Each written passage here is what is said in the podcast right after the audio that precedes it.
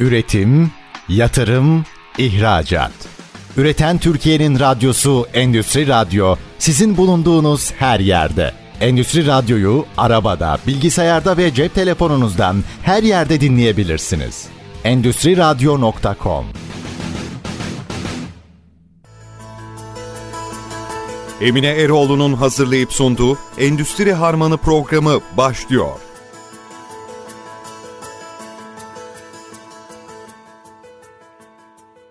Sevgili dinleyicilerimiz Endüstri Harmanı programına hoş geldiniz. Ben Emine Eroğlu. Bugünkü konuğum iOS Teknolojileri ve Otomasyon firmasının kurucu ortağı Sayın Ali Önal. Ali Bey hoş geldiniz programımıza. Hoş bulduk Emine Hanım. Merhabalar, selamlar. Nasılsınız? İyiyim, sağ olun. Teşekkür ederim. Siz nasılsınız? Ben de iyiyim. Çok teşekkür ederim. Sizi ağırlamak istedik. iOS teknoloji olarak neler yapıyorsunuz? Sektörde ne tarz hizmetler veriyorsunuz? Ve aynı zamanda sizi de tanımak istiyoruz. Sağ olun, çok teşekkürler. Ben de memnuniyetle geldim. Çağırdığınız için çok teşekkür ederim. Biz Yaklaşık 5 senedir iOS ve teknoloji ve otomasyon firmasında kullanıcılara, sanayiye otomasyon ve teknoloji desteği veriyoruz. Ben zaten daha önce de kurumsal hayatımda çeşitli otomasyon firmalarında çalıştım global firmalarda. Mesela Omron, Proface, Leuze Elektronik gibi otomasyonda yurt dışı merkezli Türkiye'de de ofisi olan çeşitli firmalarda çalıştım. Bu firmalarda satış, iş geliştirme, pazarlama konularında faaliyet gösterdim. Ürün müdürlüğü yaptım, iş geliştirme müdürlüğü yaptım. Daha sonrasında yaklaşık 5 sene öncesinde bir firma kuralım dedik ve tecrübemizi ve deneyimlerimizi gerek proje yaparak gerek iş geliştirerek Türkiye piyasasında sunmak istedik. Biz ne çeşit destekler veriyoruz? Öncelikle isterseniz onlardan birazcık bahsedeyim. iOS'ta biz ilk kurulduğumuz zaman Omron ve Leuze Elektronik gibi firmaların hem sistem entegratörü hem de malzeme ticaretini yapmak için aslında kurulduk. Bu şekilde iş sürecimize başladık. Daha sonra daha fazla proje odaklı bir firma haline dönüştük. Şu anda proses otomasyonunda, robotik projelerde, görüntü işleme projelerinde, makine emniyeti gibi konularda müşterilerimize destek veriyoruz. Anahtar teslim, mekanik dahil projeler yapıyoruz. İçerisinde elektrifikasyon dahil proses projeleri, tutkal boya fabrikaları gibi kimya tesisleri gibi projeler yapıyoruz. Hatta şöyle örnek vermek gerekirse bu sene içerisinde 2000 tane input output noktası olan 7 tane pano noktası olan komple otomasyonu bizim tarafımızdan gerçekleştirilen bir tane boya projesini, boya fabrikası projesine imza attık. Bunun yanında neler yapıyoruz? Veri toplama projeleri yapıyoruz. Yine yazılım bizim tarafımızdan geliştiriliyor. C Sharp'ta veya değişik programlama dillerinde geliştirdiğimiz veri toplama yazılımlarıyla makinalardan verileri toplayabiliyoruz. Bunları kullanıcının isteğine göre web arayüzlerinde görselleştirebiliyoruz. İstersek kullanıcı bizden farklı bir uygulama isterse mesela en son bir lazer markalama cihazına işte oluşturulan barkod verilerini gönderdik. Bu verileri gittik başka mesela geldiği plastik enjeksiyon tablosunda ilgili ürünlerin yanlarına bu barkod verilerini işledik ve web üzerinde de mesela bunu görselleştirdik. Buradaki farkımız şu diğer firmalardan hem değişik tipte kontrolcülerden işte plastik enjeksiyon, CNC vesaire gibi makinalardan direkt kontrolcüyle haberleşip veri alabiliyoruz ve de şöyle şeyler yapabiliyoruz. Yani istediğimiz gibi böyle hali hazırda bir arayüzün dışında isterse mesela kullanıcı farklı bir arayüzde biz bunu görselleştirmek istiyoruz derse mesela bu konularda da yardımcı olabiliyoruz. Daha butik, daha kastimize bir çözüm sunabiliyoruz. Bu tip projelerde şöyle bir artı noktamız var. Bütün yazılımlar tarafımızca firmamız bünyesinde gerçekleştiriliyor outsource ettiğimiz kısımlar bile çok az. Bu nedenle çok esnek çözümler sunabiliyoruz. Kullanıcılar daha sonradan bu implementasyon ve kullanım süreçlerinde de istedikleri revizyonları tarafımızca yaptırabiliyorlar. Bir de çok az bug çıkar yazılımlarımızda kendi tarafımızdan yapıldığı için. Bu şekilde anlatabilirim. Biraz uzun cevap verdim. Yo, harika çalışmalar yapıyorsunuz. Gerçekten etkileyici. Bunun yanı sıra ben şunu da merak ettim aslında. Böyle güzel şeyler e, duyarken siz kurumsal firmalarda, yabancı e, firmalarda tecrübe edinmiş bir kişisiniz ve ondan sonrasında da sahaya inmişsiniz. Bu ciddi bir karar. Bu kararı nasıl aldınız ve bu kadar güzel entegre sistemler yapar hale geldiniz. O tarafta bende böyle bir değerli oldu ve merak ettim açıkçası bu kararı nasıl aldığınızı. Ha, çok sağ olun. Teşekkürler. Bu karar tabii kolay bir karar değil. Bu hatta bizim yaptığımız iş sektör dışında da hani başka sektörlerde de mutlaka kurumsal çalışan insanlar vardır. Beyaz yaka olarak çalışan insanlar vardır. Mutlaka kafalarında acaba şöyle bir iş kursam vesaire gibi bir düşünceleri vardır. Her zaman yol ayrımına denk gelirler. Bazen o cesareti gösterirler. Sonu iyi biter veya kötü biter. Bazen de çoğu zaman da gösteremezler. Şimdi bizim şöyle bir şansımız vardı açıkçası. Ben zaten elektronik mühendisliği mezunuyum. Aslında her zaman kafamda kendi işimi yapma düşüncesi vardı ama bir yanda da insan tabii düşünce olarak beyaz yakada işte üst düzey yönetici pozisyonlarına geleyim vesaire gibi kendi kariyerinde bir yandan kafasında oluşturuyor. Hatta elektronik mühendisliği üzerine ben işletme master'ı da yaptım. Beyaz yaka olarak hani daha yüksek bir kariyer kendime inşa etmek için ama bir yandan da şunu da istiyordum. Ben hep beyaz yaka olarak satış ve pazarlama taraflarında çalıştım.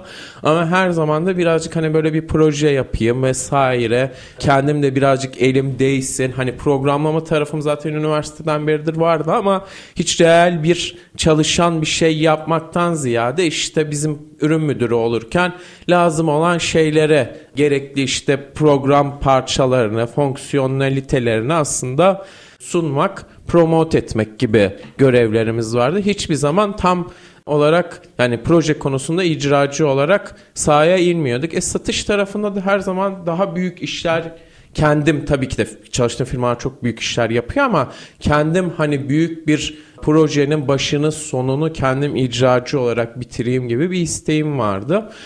Tabii ki de hani ben ürün müdürü değil de mesela örnek veriyorum o, zamanki yaşımda genel müdür olsaydım bu kararı vermek benim için çok daha zor olurdu. Ama orada bir yol ayrımına gitmek gerekti. Şöyle şunun üzerine bet etmek gibi. Ben kendi işimi kurarsam mı daha mutlu, başarılı olurum? Kurumsal hayatta mı gidersem daha mutlu, başarılı olurum? O sırada ben dedim ki hani birazcık kendi göbeğimi kendim keseyim. Sonuç olarak kendi işinizi yaparsanız birazcık daha tabii ki de başka parametreler var, konjektör var ama yine birazcık daha fazla size kalıyor. Yani siz mesela 6 ay çok iyi gitmeyebilir. Ondan sonra işinize daha fazla asılabilirsiniz. Daha fazla yükseltebilirsiniz işinizi. Birazcık daha iş size kalıyor. Birazcık daha sorumluluğu fazla, birazcık da heyecanı fazla. Ee, hayatımda da bunlara zaman ayırabilecek yerim vardı açıkçası. Kendi hayat şartlarınız da bu noktada önemli. Ondan sonra bu kararı verdik. Birazcık da tesadüfi bir şekilde verdik aslında. Uzun senelerdir görmedim. Şu anda ortağım olan Yener Bey'le aslında biz dışarıda başka bir nedenle buluşmuştuk. Böyle düşünceler kafamızda dolaşıyordu. Oturduk dedik ki hani biz niye kendi işimizi yapmıyoruz? O sırada kurumsal hayatta aslında başka bir pozisyona geçmek için ben ondan fikir almak için buluşmuştum aslında. Ondan sonra yemeğin ilerleyen saatlerinde acaba biz kendi işimizi mi yapsak? İşte sen ne yapabiliyorsun? Ben bunu yapabiliyorum. Nasıl yetkinliklerimiz var derken onun sonunda gecenin sonunda biz kendi işimizi aslında kursak iyi olur dedik. Güzel tarafı şu her zaman böyle sohbetler olur ama hep yarım kalır. Ertesi gün kalktığınızda işte bir süre görmezsiniz birbirinizi. İki tarafta aslında ciddi hareket etmez. Biz gerçekten bu süreçte hani bir sene boyunca kendimiz bunu değerlendirdik. İşte ülkenin gidişatı nasıl olur vesaire diye kendi içimizde biz bu işi nasıl yaparız diye konuştuk. Ondan sonra şirketin kurulumunu yaptık. E şanslıyız. Çalıştığımız firmalarda daha evvelden çalıştığımız firmalarda destek vardı bize bu süreçte. Bu şekilde oldu yani. Bu şekilde verdik kararı. Gerçekten harika bir karar ve ilerleme süreci olmuş. Hani kısmet olunca deriz ya birazcık da onun gibi olmuş böyle, evet, bir, evet. bir anda gerçekten de karara bağlanmış bir ilişki olmuş. Peki karşılaştığınız zorluklar tam olarak neler oldu? Çok zorluk yaşadık ya. Ya ben şöyle geçtiğimiz ya elektronik sektöründe iş yapıp geçtiğimiz 5 sene hani pandemi oldu, çip krizi oldu. Yani çip krizi şimdi elektronik dışından çalışan insanlar için ne bileyim arabada işte gelmiyor sıra bekliyoruz vesaire gibi hani böyle daha yüzeysel bir konuyken bizim sektörümüzde gerçekten normal hayata pandeminin etkisi ne kadar olduysa çip krizinin bize de etkisi o kadar oldu diye söyleyebiliriz.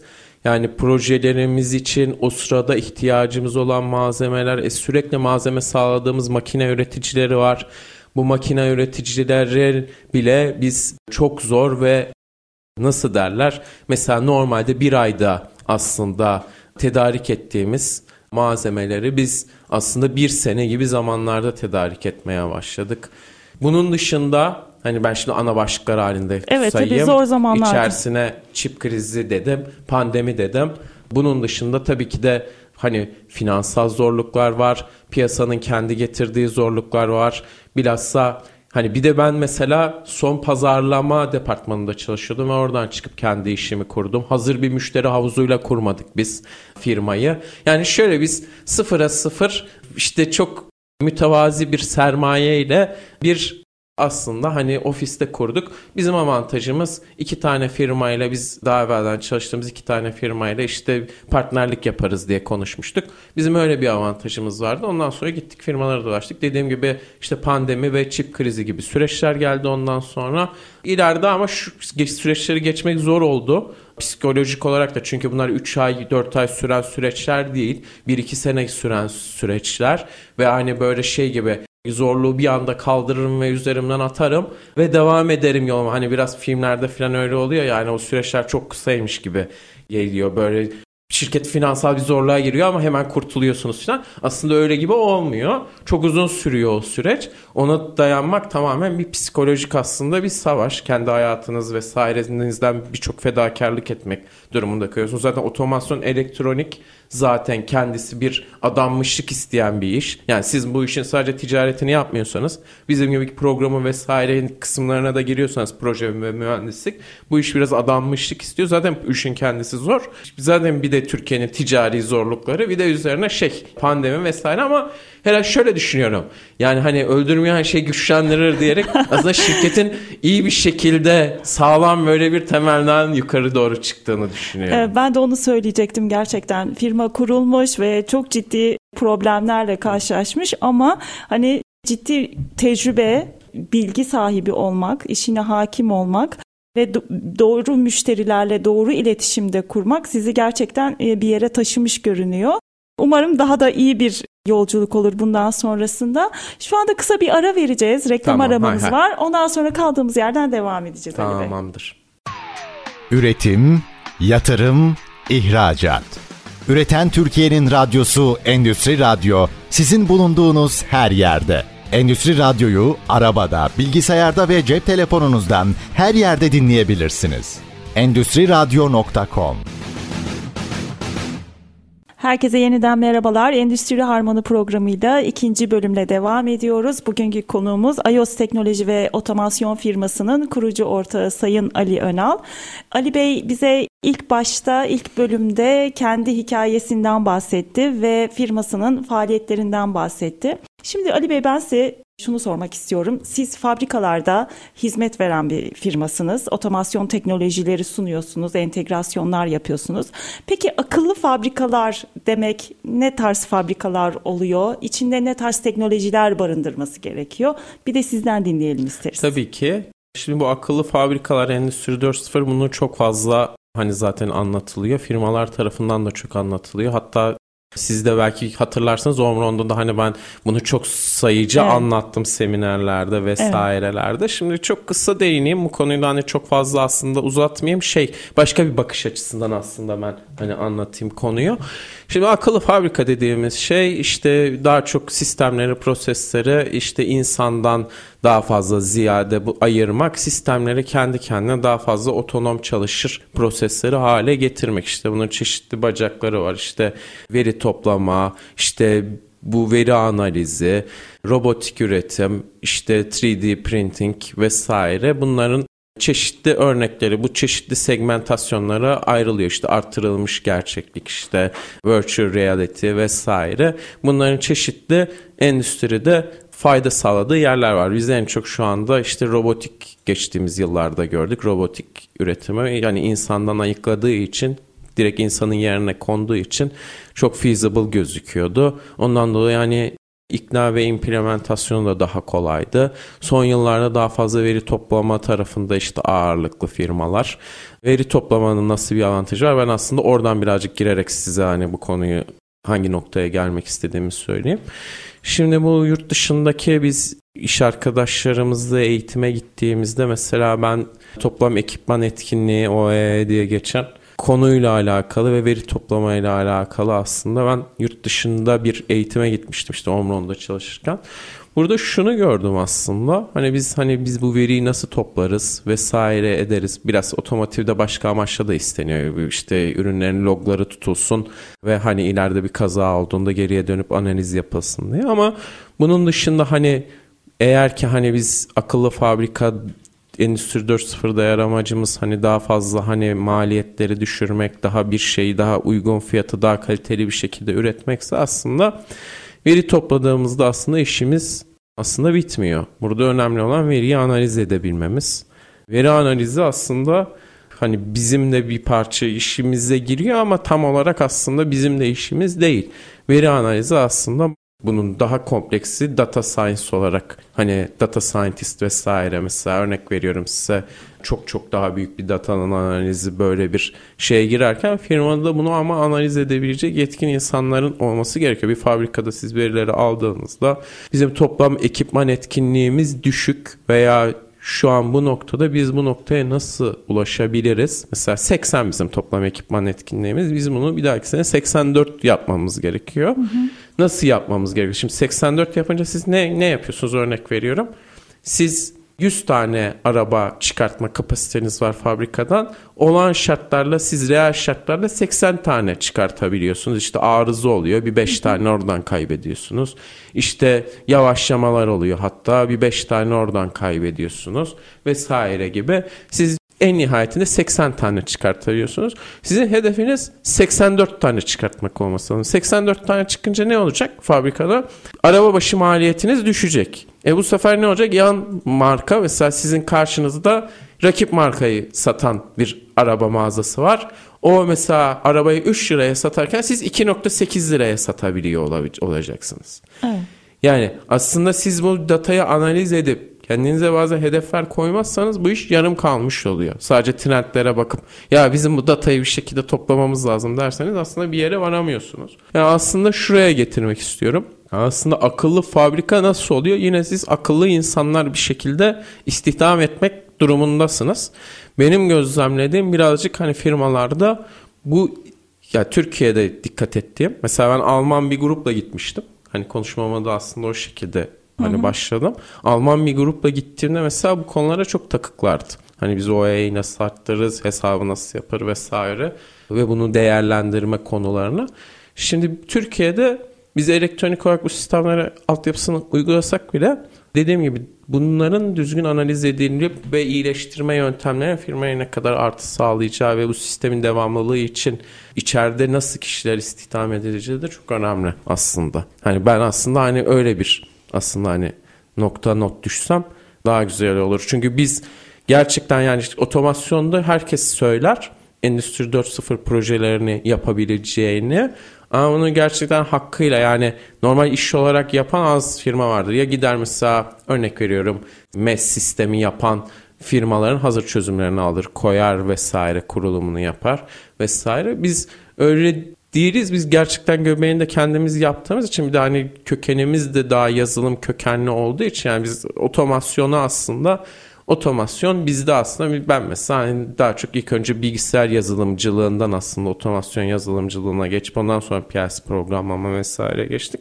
Ondan sonra biz hani kendimiz kastemize bu işi yaptığımız için biz süreçleri izleyebiliyoruz. Yani bu süreçlerde ne yapıyor? Firma ne yapıyor? Hı hı. Firma sadece data analiz değil bu sistemi yürütebilmek için kendi içeride kendi yetkinliği var mı? Vesaire. Bunlar da şimdi önemli konular. Bu tip aslında yetkinliklerini firmaların arttırmaları aslında bence bunun yanında en az bu sistemlerin kurulması kadar aslında ihtiyaç gösteriyor yani hayatı diyebilirim. Akıllı fabrikalar için akıllı insanlar Tabii lazım ki. diyorsunuz. Evet sloganımız bu. Peki talepler nasıl geliyor? Yani hani eskiye göre bir 5 yıl öncesine göre talep artışı oldu mu buna dair? Talep artışı çok. Bizde zaten şeyi konu konuşuldu mu? Hani hikayesi de şimdi iyi. Endüstri 4.0'ı da gerçekten firmalardan böyle çok tiyatral kabiliyeti, konuşma, presentation skill'leri de yüksek insanlar hani sundu.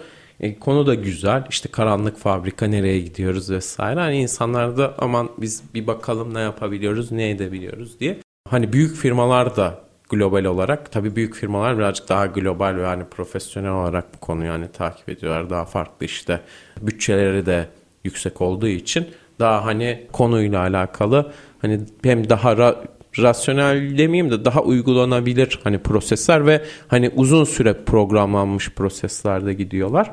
Herkesin ilk başta bir ilgisi oldu. Ama sanırsam şu anda birazcık daha hani konu hani trend dışına çıktı. 3-4 sene evvel çıkmış bir trend.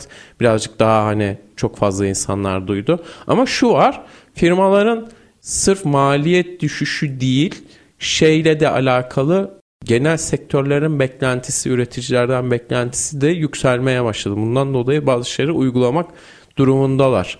Yani adam biraz önce dediğim gibi şimdi toplam ekipman etkinliğini mesela arttıracaksınız veya işte makine duruş zamanını azaltacaksınız veya da hani şey robotik üretime geçeceksiniz. Mesela robotik üretim çok mesela Türkiye'de hani şöyle bir örnek verebilirim. İşte Türkiye'de işçilik ücretleri düşüyor.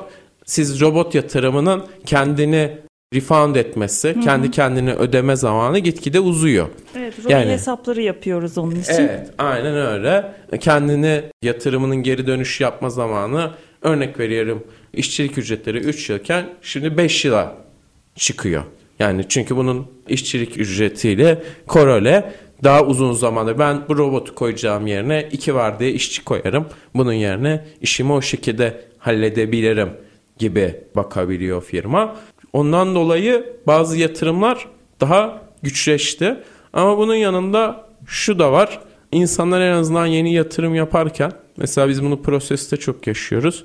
Eskiden şunu yapmak istese de hani bir vanayı bir taraftan bir kişi bir taraftan bir kişi açıp işte düğmeye basacağına şimdi şöyle bir talep var. Hani biz bunu SAP'ye de bağlayalım, işte kullandığımız ERP'ye de bağlayalım, bu otomatik bir sistem olsun vesaire. Direkt aslında fabrika kurulurken böyle bir Genel otomatik bir üretimine beraber bir insanlardan istek var bizden. Bir de ne var? Dediğim gibi biraz önce mesela otomotiv sektöründe artık mesela siz bir otomotiv ana sanayine ürün yapıyorsunuz. BMW olur, Mercedes olur, şey olur, Fiat olur. Siz oraya mesela örnek veriyorum bir dişçi üretiyorsunuz. Bu dişçinin artık verilerinin tutulması isteniyor. Veya ilaçta ciddi bir veri toplama, belli standartlarda verilerin tutulması gibi sektörün kendi zaten beklentileri var. Bu nedenle talepler oluyor diyebiliriz. Peki Böyle veri toplama, bunun analizini yapma ve bunu doğru bir şekilde işleme taraflarına baktığımızda endüstriyel olarak bu otomotivde mi daha etkin, ilaçta mı? Bunu daha çok nasıl tanımlarsınız? Hangi sektör daha çok veriyi işleme üzerine etkin faaliyet gösteriyor? İlaçta şöyle bir şey yapıyorlar. İlaçta zaten ilaçların belli değerlerinin zaten Sağlık Bakanlığı talep ediyor. Yani tutulması gerekiyor. Burada daha çok bir analizden ziyade şimdi analiz ilacın analiz diagnostik tarafı bizimle tam aslında alaka değil. Orada ilaç ilacın kimyevi maddesinin diagnostik tarafı aslında onların kendi departmanları var, kendi çalışanları var, hastanelerle iletişim kuruyorlar. Onlar tam aslında elektroniğin hı hı. alakadar olduğu bir şey değil, konu değil. Biz ilaçta veriler tutuluyor ama verinin makina daha verimli çalışması için analizi daha çok otomotivde oluyor. İlaçta daha çok sistemler hazır olarak geliyor. İşte makine firmalarından bazı hatlar geliyor. Siz burada aslında Türkiye'deki ilaç sektörü aslında ben Almanya'daki şimdi gidip şey yapmadım. Ziyaret yapmadım şimdi yanıtmada olmasın. Kendi tecrübelerim orantısında hemen konuşuyorum. Yani Türkiye'de siz bir ilaç firmasına gittiğinizde ilaçtaki genel olarak iyileştirmeler işte şuraya bir barkod okuyucu koyalım veya işte olan hattı şöyle şekilde revize edelimdir. Veriler tutuluyor ilaçta ama şunun için tutuluyor ilaç sektöründe. Dediğim gibi ilaçların hepsinin kendi bir barkodu var vesairesi var. Hangi tarihte üretildi, hangi etken maddelerle üretildi vesaire gibi. Otomotivde makine verilerinin tutumu daha fazla. Çünkü orada makine verimliliği çıkan ürün adedini vesairesini çok etkiliyor. Daha bir kritik. Tabii daha kritik ve daha nasıl diyeyim prosesler şey hem daha durmadan çalışması gerekiyor. Sürekli üretim var otomotiv hatlarında. E bu üretim bütçesel firmaya etkisi var. Ondan dolayı firma bütçede ayırıyor vesaire gibi. Olan veriler ondan dolayı daha fazla analiz ediyor. Yani şeyler bile alınıyor yani otomotivde. Yani siz aslında çok basit bir veri de hani basit olmasına rağmen örnek vereyim. Şimdi siz örnek veriyorum CNC'den normal kesim tezgahlarınızdan CNC dediğim hani normal işte torna freze tezgahlarınızdan bile hani operatörle çalışan tezgahlarınızdan bile işte sadece üretim adedini bile alarak hani aslında verimliliği ciddi manada arttırabiliyorsunuz. E otomotiv yatırımları çok fazla şey otomotiv fabrikalarındaki yatırımlar yan sanayi olsun, ana sanayi olsun.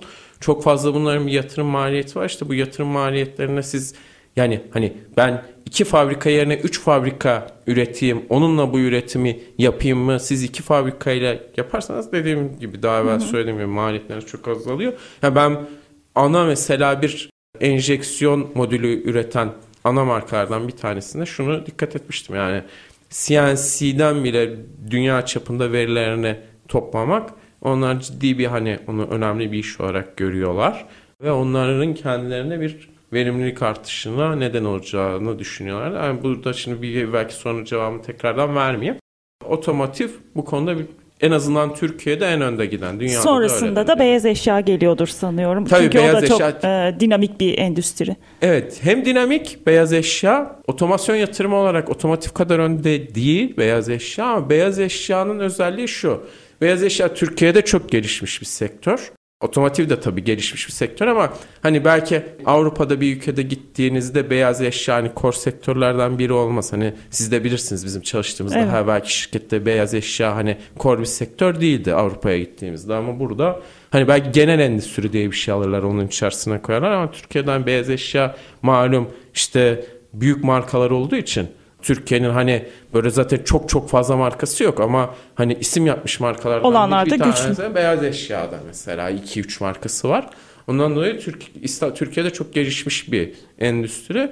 Ona binaen hani burada da ki tabii ki de elektronik üretim yaptığı için tabii ki de yatırımı da fazla. O şekilde yani. Peki Ali Bey biz yine bir reklam arası vereceğiz. Tamam, hay hay. Sonrasında devam edeceğiz. Tamam. Teşekkür ederiz. Üretim, yatırım, ihracat. Üreten Türkiye'nin radyosu Endüstri Radyo sizin bulunduğunuz her yerde. Endüstri Radyo'yu arabada, bilgisayarda ve cep telefonunuzdan her yerde dinleyebilirsiniz. Endüstri Radyo.com Sevgili dinleyicilerimiz, bugün iOS Otomasyon Ali Önal Bey ile yaptığımız programın son bölümündeyiz. Ali Bey size ben aslında şunu da sormak istiyorum. iOS Otomasyon olarak sanayici ve makine üreticilerine emniyet konusunda ne tarz destekler oluyorsunuz? Çünkü bu da önemli bir ayak biliyorsunuz otomasyonda. Buna dair nasıl servisiniz ve hizmetleriniz var? Şöyle nasıl hizmetlerimiz var? Şimdi emniyet konusu, makine emniyeti konusuna hani birazcık o konu hakkında bir iki cümle söyleyeyim. Makine emniyetinde alabildiğiniz hizmetler şu şekilde olabiliyor. Sonrasında bizim ne yaptığımızı aslında açıklayayım.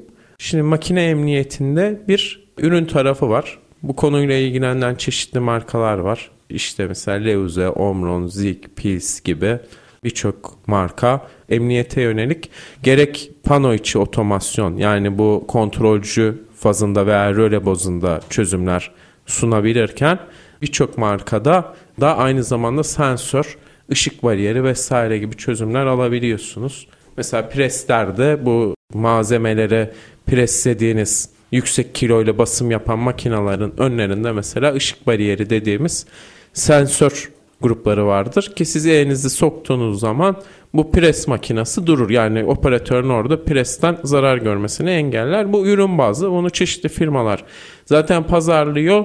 Bizim gibi firmalar da burada doğru ürünün seçimi, konfigürasyonun nasıl yapılması gerektiği konusunda çözümler sunuyorlar müşterilerine.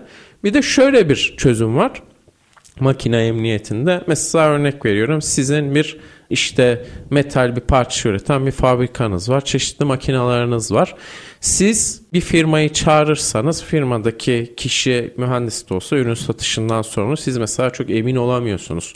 Doğru emniyet standartlarını aslında sağladım mı diye makinelerde. Bu arada makinaların yani birçoğunda yani neredeyse hepsinde bütün bu motorla çalışan vesaire olan hareket eden düzeneklerde TÜV hepsi için emniyet regülasyonu geliştirmiş. Hı hı. Yani sizin nerede nasıl bir emniyet sınıfına sahip olmanız gerektiği, kategorisine sahip olmanız gerektiği, bu kategoriye yönelik ne tip elektronik ürünler seçmeniz gerekli ve bunları nasıl konumlandırmanız gerektiği aslında belli standartlar dahilinde daha evvelden belirlenmiş. Şimdi siz mesela emin değilsiniz, firmadan aldığınız desteğe de emin değilsiniz. Bu noktada şu emniyet danışmanlığı aktivitesi devreye giriyor. Bunu ya siz yine ana firmalardan veya işte mühendislik çözümü sunan firmalardan çeşitli sertifikasyona sahip personeller geliyor sizin fabrikanızı etüt ediyorlar. Diyorlar ki size bir rapor sunuyorlar. Sizin fabrikanızda bu tip iyileştirmeler yapılması gerekiyor diye bir emniyet danışmanlığı hizmeti sunuyorlar ve siz buna istinaden makinelerinizde gerek mekanik gerek elektronik revizyon yaptırıyorsunuz ve bu sayede fabrikanızı veya ürettiğiniz makineyi emniyetli bir noktaya getiriyorsunuz. Biz iOS olarak bunun ne tarafındayız? iOS olarak ben Zaten çalıştığım firmalarda hep makine emniyeti vardı ürün grubu olarak. Ben kendim de hani bu ürün grubunu daha evvelden pazarlama vesaire aktivitelerini yaptık. Bunun biz emniyet standartlarını ondan dolayı firma olarak gayet iyi biliyoruz. Ortağım da öyle, ben de öyle. Ve biz Buna dair eğer programlanma gerektirilen kontrolcüler de gerekiyorsa bunların programlamaları olsun gerekli mekanik firma olarak mekanik revizyon vesaire hizmetini de bir bütün olarak müşteriye sunabiliyoruz. Bu noktada bizim buna örnek olarak verebileceğimiz projemiz şu. Mesela yürüyen merdiven emniyetini düşündüğünüzde aslında yürüyen Hı-hı. merdiven şimdi siz kanıksıyorsunuz her gün bindiğiniz için yürüyen merdiven ne olacak diye bakıyorsunuz ama mesela yürüyen merdivenin basamaklarından birinin kırıldığını düşünün. Eyvah. Değil mi? Yani ayağınız şimdi oraya sıkışsa ben size şöyle söyleyeyim. Biz programını yazarken denemesini yaparken mesela bir tane çubuk düştü içerisine metal direkt çat diye kırdı. Şimdi mesela biz bizim örnek işlerimizden aslında bir tanesi yürüyen merdivende şeyi yapabiliyoruz emniyet kontrolcüleriyle merdivenin hızı, hızı yükseldi mi, ters yöne dönüyor mu, eksik basamak var. Bunların hepsine tüv regülasyonlarına uyan bir şekilde sensör seçimi yapıldı, switch seçimleri yapıldı. İlgili kontrolcülerle regülasyonu sağlayan kontrolcülerle bunun programı yazıldı vesairesi. Hani bizim firmamız tarafından bu çözüm sunuldu ki yani şöyle söyleyeyim hani böyle hani bu işin hani mühendislik tarafını hani danışmanlık tarafını yapan çok insan var ama mühendislik tarafında mesela çok fazla firmada Türkiye'den hani çözüm sundu da hani uygun ve maliyeti düşük olarak çözüm sunamamıştı diye hatırlıyorum. Bunun yanında normal biz proses projelerimizde vesairemizde de mutlaka kendi projelerimizde de şey bu arada bunu da söylemek istiyorum. Ya genel olarak çok tercih edilmiyor gördüğümüz sahada gördüğümüz ama biz mesela kendimiz insan canıdır diye düşünerek evet. en nihayetinde ya gerçekten çünkü proje maliyetinin yanında da büyük paralar değil bunlar. Birazcık daha fazla hani eğilme bekleniyor. Biz kendimiz çok dikkat ediyoruz. Ben her zaman müşteriye söylüyorum. Mesela bir acil stop bağlıyor. Mesela bir tane mikser döndürüyor. Şimdi mikseri içeri giren işçi şeyle giriyor düşünün temizlemeye. Acil stopu durdurma düğmesi gibi kullanıp ona basılıyor ve mikserin içerisine giriyor ve o içini temizliyor örnek veriyorum. İşte bu Çok basit. Yani bunun için elektrik mühendisi olmaya da gerek yok. Acil stop siz şöyle bir sistem yapabilirsiniz. Genelde de bu şekilde yapılıyor. İşte bir tane röle veya kontaktör oluyor. Bu mikserin çalışmasını işte sağlayan elektrik devresini kesiyor. Bunun çıkışını da çeken bobininde bir elektrik devresiyle acil stopa bağlıyorsunuz. Şimdi böyle bir sistem yaparsanız e bir gün bu röle veya kontaktör yapışacak yani. Bir bobini siz elekten, elektrik yüklüyorsunuz. Şarj edinizde bir kontak çekiyor. Bobini siz elektrik şarj ettiğinizde kontağınız çekiyor. Siz bu kontağınız sizin bir gün yapışacak. Yani bu kesin. E o zaman siz bu acil stopa bastığınızda bu şey çalışmayacak. Bu mikser siz acil stopa bassanız bile dönmeye devam edecek. Ha, bu, bu çok aslında... O zaman emniyetli olmaktan çıkıyor emniyetli zaten sistem. çıkıyor. Siz neye kalıyorsunuz? Orada adamın yaşam şansını siz burada kontağın yapışıp yapışmadığına bırakıyorsunuz. Ne kadar aslında komik yani kaç belki kaç yüksek bir yük sağlayacak bir makinayı belki bir saniyede adamı paramparça edecek makinenin şeyini siz bir tane kontaktörün kontağının yapışıp yapışmamasına bak Aslında işletmenin yani. genel yüküne baktığımızda okyanusta bir damla belki de o emniyet evet, tarafına aynen. yatırılacak yatırım ama geri dönüşü çok daha kıymetli yani. Tabii hani tabii. Gerçekten başta da dediğiniz gibi insan canı burada ön planda oluyor. Ben bütün bunların yanında aslında süremiz de kısa bir yandan da başka bir şeyleri de sıkıştırmaya çalışıyorum. Tabii, tabii. Bu pandemiyle e-ticaret biliyorsunuz arttı. Onunla depo yönetimi arttı. Lojistik uygulamalar çoğaldı. Buna dair olan çalışmaları nasıl buluyorsunuz? Ne tarz otomasyon teknolojileri hmm. uygulanıyor şu anda? Interlojistik. O da otomasyon genel bir önemli bir dalı aslında. Hani akıllı depo vesaire sistemleri. Bunu bugüne kadar aslında işte yurt dışından firmalar var, SSI var, Mekalux var. Bunun gibi akıllı depo üreten zaten hani dev firmalar var.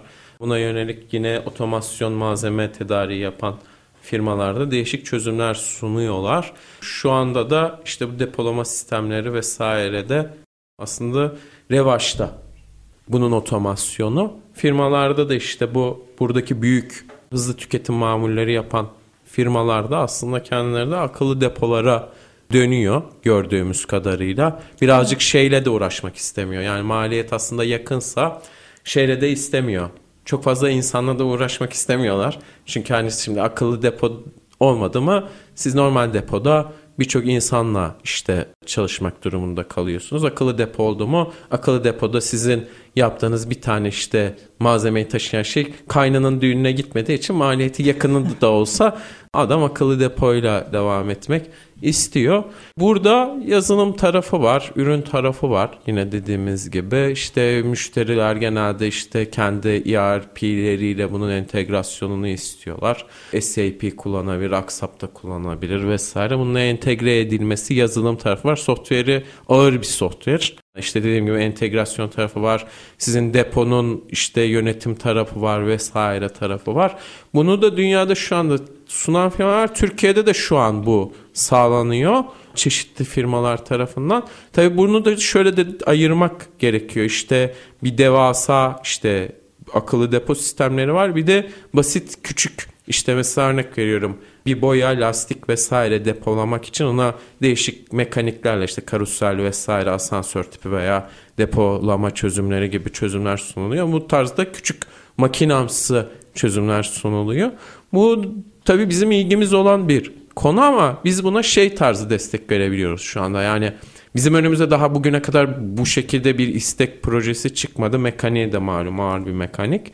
Biz daha çok hani ürün bazlı daha evvelden bu tip firmalara destek olduk sensör vesaire de ama bizim hani kendi gir, girmemiz olmadı. Ama gelecekte çok fazla genişleyecek. Şundan dolayı şimdi bir depolama çok fazla artıyor. Outsource etmeye başlıyor firmalar. Lojistik evet. daha fazla değerleniyor. Bir de ben her zaman şeyi düşünmüşümdür. Yani hani burası da sonuç olarak ileride bir hub haline gelme ihtimali var.